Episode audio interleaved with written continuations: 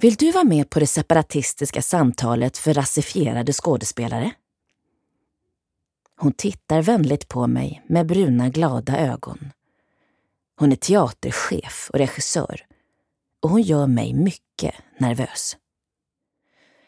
Eh, jag med... För, eh, jag, eh, va? Tror jag att jag svarar. För jag fattar ingenting. Året är 2015 och vi befinner oss på Scenkonstbiennalen. En branschfestival för teaterfolk med föreställningar, seminarier och workshops. Ordet rasifierad har helt nyligen letat sig in i mitt vokabulär. Jag är inte helt på det klara med vad det betyder, men jag har börjat småslänga mig lite med det. Gärna i kombination med begrepp som hegemoni, diskurs, problematisk och intersektionell. Att vara rasifierad, eller att rasifieras, som jag tror det heter om man ska vara noggrann, är ett begrepp som först användes av den franske filosofen Frans Fanon på 60-talet. Det innebär att majoriteten exkluderar den från att ingå i begreppet vi. Man är utomstående, inte med i klubben. Man tillhör inte normen. Oftast baserat på att man har en annan hudfärg eller något annat synligt karaktärsdrag. En hijab, ett skägg, ett klädesplagg. Att bli rasifierad innebär att man på ett fördomsfullt sätt tillskrivs egenskaper som förknippas med den grupp som man antas tillhöra. Det behöver inte nödvändigtvis vara negativa egenskaper. Även positiva karaktärsdrag, såsom att ha rytmen i blodet eller att vara en jävel på datateknologi, kan fungera exkluderande för den som blir utsatt. Att jag skulle kvala in i kategorin rasifierad hade jag fram tills nu inte den blekaste aning om. Min pappa är från Chile och min mamma är från Finspång. Jag har brunt hår och bruna ögon. Jag blir solbränd på sommaren och passar bra i färgen korall. Jag heter Johanna Lascano och är skådespelare. Det här programmet ska handla om att stå mitt emellan och varför det har gjort mig politiskt radikal.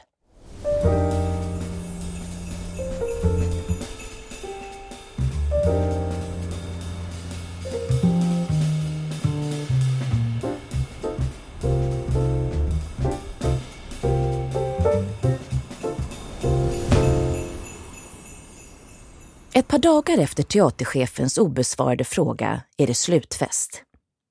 Alla är där. Skådespelare, dramatiker, regissörer, teaterchefer. Det är trevligt. Vi äter middag och dricker vin. Det är framträdanden då och då, lite roliga tal och sånt där. Mitt i allt det trevliga börjar det röra på sig. Fysiskt. Jag märker inte först, men så småningom börjar jag se hur någon en här, en där smiter iväg från sitt bord och ut ur lokalen. Det viskas. Det slängs ögonkast. Det är lite oroligt. Jag vet inte hur jag märker det, men jag märker faktiskt att de som smiter iväg är, ja, mörkare än majoriteten. Jag undrar vad det är frågan om. En av dem som just är på väg ut, vi kan kalla honom Daniel, får syn på mig och börjar gestikulera. Kom, kom! Jag ser på hans min att det är viktigt, så jag följer efter. Ute i foajén står en grupp skådespelare och viskar upphetsat. De är arga, arga som fan. De står i en ringformation med nedåtböjda huvuden. Det ser ut som att de har någon slags peptalk inför en rugbymatch. Äh, förlåt om jag stör, säger jag. Men vad gör ni? En tjej vänder sig om och tittar ilsket på mig. Hon synar mig uppifrån och ner och så fräser hon, verkligen fräser med förakt. Det här är bara till för rasifierade skådespelare. Jag blir helt ställd. Jag förmår varken kliva in i ringen eller gå ut till de andra i festlokalen igen. För visst var det väl så att jag blev inbjuden till för om de håller på med något som jag kan hjälpa, om de har blivit orättvist behandlade på något sätt så vill jag ju göra något för att... Daniel ser också vilsen ut. Han är mörkare än jag och har nog fler rasifieringspoäng, så fräsandet kanske inte gäller honom. Men han är också artigare än jag, så han vill nog inte skapa dålig stämning för vare sig skandinaver eller utomeuropeer. Vi trampar runt lite på stället. Vi ömsom närmar oss gruppen, ömsom tar ett steg tillbaka i vad som känns som en evighet. Vi tittar hjälplöst på varandra. Jag tror att undertexten i vår ordlösa kommunikation är Är du rasist? Nej, det är jag inte. Är du rasist? Nej, det är jag inte. Ja, men vad fan ska vi göra då? Så plötsligt blir det fart på gruppen. Med en energi som bara kan uppbådas av den som har blivit riktigt, riktigt illa behandlad och nu är tillbaka som RuPaul on fire, tågar de tillbaka mot festen med högburna huvuden och förorättade miner. Jag och Daniel blir medsvepta som små fiskar i en ström. RuPaulsen tågar upp på scenen. Det blir trångt. De är många. Jag och Daniel hamnar på golvet nedanför precis i mellanrummet som skiljer team arg från team fattar ingenting. En tjej som verkar vara språkrör tar över micken. De har skrivit ett tal.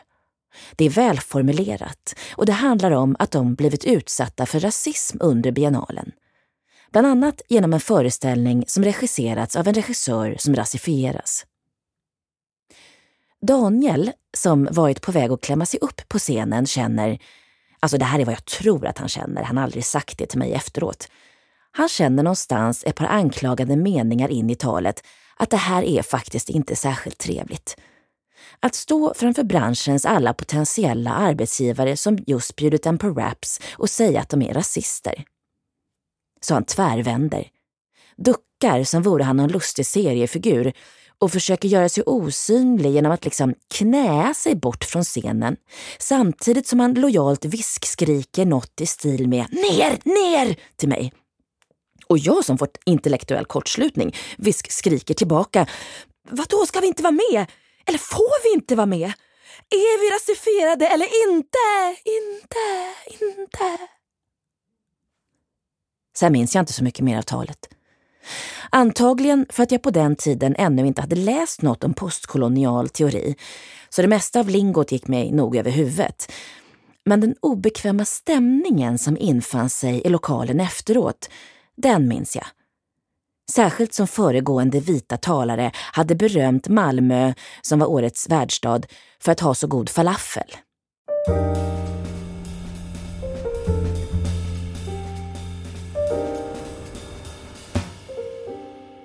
Den här händelsen blev någon slags startpunkt i allt jag skrivit och fördjupat mig i sedan dess. Jag har läst kurser på universitetet i postkolonial teori och politisk filosofi och fortsatte att läsa böcker i ämnet under sommaren. Anja Lumbas introduktion Kolonialism slash postkolonialism, Sarah Ahmeds Vithetens hegemoni, antologin om ras och vithet i det samtida Sverige och ett flertal långa Facebookinlägg och debattartiklar av Tobias Hübinette, Ylva Habel och Athena Farrokhzad. Och sen läste jag Motståndarsidan. Ivar Arpis och Adam Sveimans Så blev vi alla rasister. Diverse liberala ledarskribenter med kråsblus och Anna-Karin Wyndhams och Arpis genusdoktrinen eftersom de strukturella teorierna och mekanismerna som postkolonialismen och den intersektionella feminismen ger upphov till överlappar varandra. Så småningom fick jag en ganska klar bild av tankegångarna i båda läger. Problemet var att jag inte blev frälst åt något håll. Istället satt jag på de salta klipporna vid havet med skriande måsar i skyn och Evert Taube-trubadurer i snåren med överstrykningspenna och skrev arga kommentarer i marginalen. De postkoloniala teorierna som jag, kanske tack vare min bakgrund som föreläsare i normkritik inom RFSL, verkligen kan sympatisera med i en light-version drog snabbt iväg till absurda konspirationsteorier from hell och de mer individualistiska, icke-strukturalistiska debattörerna var så fullständigt blinda för sina egna privilegier att de inte fattade att det gjorde dem precis lika identitetspolitiska som identitetspolitikerna själva. Min pappa, är politisk flykting från Pinochets militärdiktatur i Chile. Han var aktiv i den socialistiska organisationen MAPO, har ärr från tortyren i fängelset och brukade placera ut små gem i lägenheten som kunde signalera om någon varit där ifall de rubbats några grader åt fel håll. När han jobbade som specialpedagog på en skola trodde alla att han var vaktmästare. Min mamma kommer från en borgerlig familj där man fick silverskedar i julklapp som barn. Jag samlade på serien Olga och håller tacktal efter släktmiddagen om man har äran att sitta till vänster om värdinnan. Halva min uppväxt spenderade jag i pälsmuff. Andra halvan på existensminimum. Det blev så på grund av orsaker som har att göra med friskt vågat, hälften vunnet. Jag vet tillräckligt mycket om att inte ha råd med vinterskor och ost för att bli arg på Lena Andersson. Jag vet tillräckligt mycket om att försöka driva eget företag och betala väldigt mycket i skatt för att förstå vad Leif Östling menade. Jag har åkt runt i högstadieskolor och berättat min komma ut-historia i regi av RFSL och nu har jag barn och lever tillsammans med en vit, straight, medelålders man. Jag har valsat runt i psykvården i många, många år och kategoriseras i medicinsk mening som någon med funktionsnedsättning. Jag har varit ordförande för elevrådet. I grundskolan var jag populär och hade många vänner. I gymnasiet var jag illa omtyckt och hade nästan inte någon. Är du sugen på att lyssna vidare? Då kan du låsa upp resten av det här avsnittet genom att teckna en prenumeration på fokus.se prenumerera. Som prenumerant har du också tillgång till Fokus alla artiklar och poddar. Fokus.se prenumerera.